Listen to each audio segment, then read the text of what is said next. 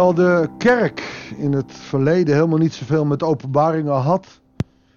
Uiteraard hebben de theologen in die kerken wel Johannes uh, zijn visioen gelezen. Werd er wel het vingertje gebruikt om te waarschuwen tegen alles wat er gebeuren zou. Zonder direct openbaring te lezen of uit te leggen in de preken. Want het zou te moeilijk zijn. Ook snap ik dat heel lang evangelisatie is geweest.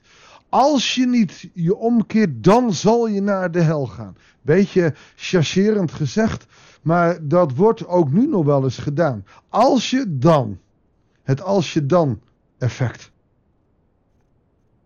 Natuurlijk, als je je van God afkeurt, zul je naar de Gehenna gaan. Maar als je niet in God gelooft, geloof je ook niet in de Gehenna. En zie je wel wat er komt. Dat is naïviteit.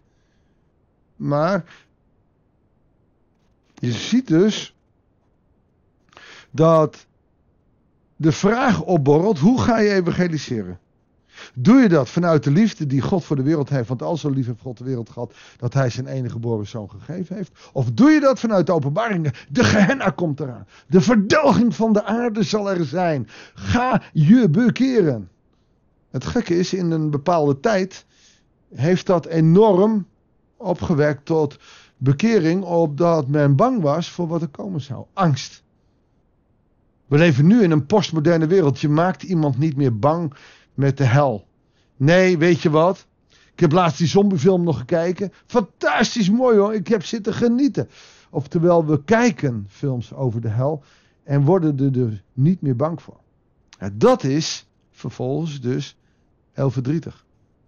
Nou, daar moest ik aan denken toen, we, toen ik net las uit dat gedeelte wat we vandaag gaan lezen. We gaan nog twee dagen uh, in openbaringen lezen en gaan dan een paar dagen uh, Jesaja in. Voor ons is dat twee, uh, een half hoofdstuk en maandag weer in openbaringen. Goeiedag, hartelijk welkom bij een nieuwe uitzending van het Bijbels Dagboek. We lezen vandaag openbaringen 16, vers 1 tot en met 11. Toen hoorde ik een luide stem uit de tempel komen die tegen de zeven engelen zijn. Denk aan gisteren, zeven engelen die kwamen tevoorschijn. Ga nu, de, de rechtvaardigen zijn op die zee terechtgekomen, oftewel zijn gered. Ga nu, giet de zeven offerschalen met Gods woede leeg op de aarde. Is dit nou een vervolg of een nieuwe versie? Want we hadden al gezien dat God met zijn sikkel de aarde de onrechtvaardige verwoest had. Is dat een deel geweest en moet er nu nog een deel? Of is dit een andere metafoor? Ik kan je dat niet helemaal zeggen. Maar het is wel de vraag die mij oppopt. Maar we gaan lezen wat er nu staat. Ga nu gieten offerschalen met Gods woede leeg over de aarde. Eh, woede in de vorm van schalen is altijd metaforisch. De eerste engel ging weg en groot, goot sorry, zijn offerschaal leeg over de aarde. Alle mensen die het merkteken van het beest droegen, oftewel je weet wel, dat 666 of het merkteken van het beest, dat je, daar kon je alles mee kopen. En degene die dat teken niet droegen, die kregen het moeilijk. Maar nu, dus iedereen die het merkteken van het beest droeg en, en het beest aanbaarde, kregen kwaadaardig en pijnlijke sferen. Je ziet nu dat het omgekeerd wordt. Dus ook hier, als je het merkteken van het beest niet accepteert, zul je het best moeilijk krijgen, maar uiteindelijk gered. Want let maar op wat er nog meer gebeurt. De tweede engel goot zijn offerschaal leeg over de zee. En het water werd bloed. En als het bloed van een dode en alle wezens in zee leefden, kwamen om. De derde engel goot zijn offerschaal leeg over de rivieren en waterbronnen. En het water werd bloed. Oftewel, wij hebben behoefte aan water en opeens wordt dat bloed. Het bloed van de dood. Ik hoorde de engel van al dat water zeggen: Rechtvaardig bent u, de heilige, die is en die was, omdat u op deze manier straft. Christenen, gelovigen, vinden het nog wel eens moeilijk hoe streng God straft. Maar kijk goed na waarom hij het doet. Dat is omdat de mens hem getergd heeft. Hoe vaak, en je moet goed weten dat hij al, al een jaartje of 7000 met de wereld bezig is. En hoe vaak heeft hij gezegd, er is genade. Hoe vaak heeft hij gezegd, ik red je. Naar het volk, naar de mensheid. Hij heeft Jezus zijn zoon gegeven. En ook nu nog blijft de mens hem tergen. Dat doet hij niet zomaar, hè?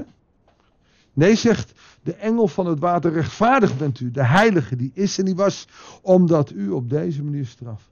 Bloed van de heiligen en profeten hebben zij vergoten. En het bloed laat u hen drinken. Oftewel, het is gerechtigheid. De wereld heeft christenen, en dat gebeurt nog steeds, laten onderdrukken, laten vermoorden. En hier krijg je heel symbolisch, dan zal je dat bloed ook drinken, je zult er zelf aan sterven. Dan, openbaring 6 stelt de, de slachtoffers, dus die heiligen en profeten, van wie het bloed vergoten is, die schreeuwen naar God om gerechtigheid. En hier zie je het antwoord. Ze hebben het verdiend.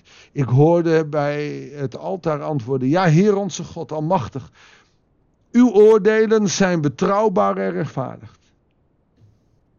De vierde engel goot zijn offerschaal leeg over de zon, waardoor ze de mensen kon verbranden met haar vuur. God gebruikt het licht van de zon als verterend vuur. Verterend vuur is het tegenovergestelde van louterend vuur. Dat komt op twee manieren in de Bijbel voor. Louterend vuur is dat je helemaal schoongebrand wordt. Verterend vuur is dat je helemaal verpulverd wordt. Dat is ook de reden dat bijvoorbeeld mensen moeite hebben met crematie. Je kunt overigens dat hier niet uithalen. Dat zou niet verstandig zijn. De grote hitte verzengde de mensen en ze lasteden de naam van God. Zie je wat er gebeurt? God komt met zijn onheilspellend vuur. En wat doen de mensen? Ze gaan klagen en ze geven God de schuld. En ze komen niet tot inkeer en bewezen God geen eer. Er is dus in dat laatste oordeel wat God over de wereld velt, met al die plagen die hij in Egypte had gedaan, maar nu weer gaat doen over de wereld, nog steeds kans om je te bekeren. Dat betekent dat je de pijn nog voelt, maar dat je in eeuwigheid zult herstellen. Zelfs onder christenen zijn er mensen die vergoelijken dat. Ah, ik geloof een beetje en dat is goed. Een beetje geloven werkt niet bij God. Je moet je hele leven aan Hem geven. Dan zul je gered worden. En zelfs als je in dat oordeel zit en je kan je bekeren, geef dan heel je hart. Want die eeuwigheid, en dat hebben we ook vergoedelijk. Ah, die eeuwigheid, ja, dat is een cliché. Ja, dat klinkt als een cliché. Maar het is wel je redding, want je zult tot in eeuwigheid leven. En op een of andere manier, hoe weet ik niet, zul je het nog bewust meemaken, ook die eeuwigheid. En dat is heel lang. Maar daar is het net als bij God. Eén dag is als duizend dagen. Oftewel, je hebt geen gevoel van tijd. Je hebt gevoel van God. Van eeuwigheid. En dat kan je voelen. En dat zal je daar voelen. De vijfde engel goot zijn gaan leeg over de troon van het beest. Hier wordt het beest aangepakt. En zijn rijk werd in de duisternis schuld. Hey, weet je, ik denk dat in 1945 men gezegd heeft, zie je wel, dit duldt op dat Hitler is verdwenen. Maar we hebben nieuwe vijanden. Nog steeds is Jezus niet teruggekomen. De troon van het beest, van de mensen die het, de Satan aanbidden, en die, uh, die staat nog steeds. Je zou kunnen, misschien nog wel kunnen zeggen over Poetin. Of maar ik vind het eh, Amerikaanse ehm, tronen en de, de regerers daarvan ook beesten af en toe. Het is, het is alsof deze wereld niet goede leiders kan aanreiken. Zijn rijk werd in duisternis gehuld en de mensen beten op hun tong van de pijn en ze lasterden de God van de hemel vanwege hun pijn en sfeer en ze keerden zich niet af van hun wandaden. Hoe eigenwijs is een mens dat als hij zoveel pijn heeft, nog niet tot God kan. Daarom, en dit past precies in deze postmoderne tijd. Begin nu niet met helle verdoemenis, maar laat de liefde van God zien. Niet als softie, maar laat zien wat hij voor jou betekend heeft. Hoe hij jou gered heeft. Ik denk dat dat haast belangrijker wordt.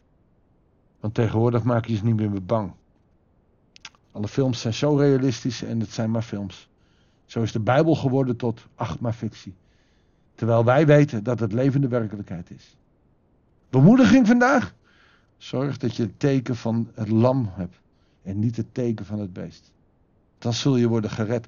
Je zult nog genoeg ellende, pijn en moeite meemaken. Maar uiteindelijk zul je worden gered. En zul je samen met de anderen op de glazen zee staan. Mag ik voor je bidden? Lieve Heer, trouwe God en Vader, uw naam zij geloofd, geëerd en geprezen. Van nu aan tot in eeuwigheid. Want u bent schepper van hemel en aarde. U bent de Alpha en de Omega. U zult altijd heersen. Heere God, en er is ons nooit gezegd dat als we kiezen voor u, dat het ons makkelijk wordt gemaakt. En we zullen momenten meemaken dat we gevraagd worden het teken van het beest op te nemen. In plaats van het lam van het bloed. Mensen zullen ons bij u, bij God, bij de kerk vandaan willen halen. Heer, geef ons de kracht om te volharden. Zodat wij niet het teken van het beest aanvaarden maar van u. Ondanks alle moeite en zorg. Heer, dank u wel dat u ons daarin wil bijstaan. En dat u ons ook vanuit dit hoofdstuk, Openbaring 16, bemoedigt. Want u zal zijn voor de rechtvaardigen. Uw naam zij geloofd en geprezen. Van nu aan tot in de eeuwigheid. Halleluja. Amen. Dankjewel voor het luisteren. Ik wens je God zegen. En heel graag tot de volgende uitzending van het Bijbelsdagboek.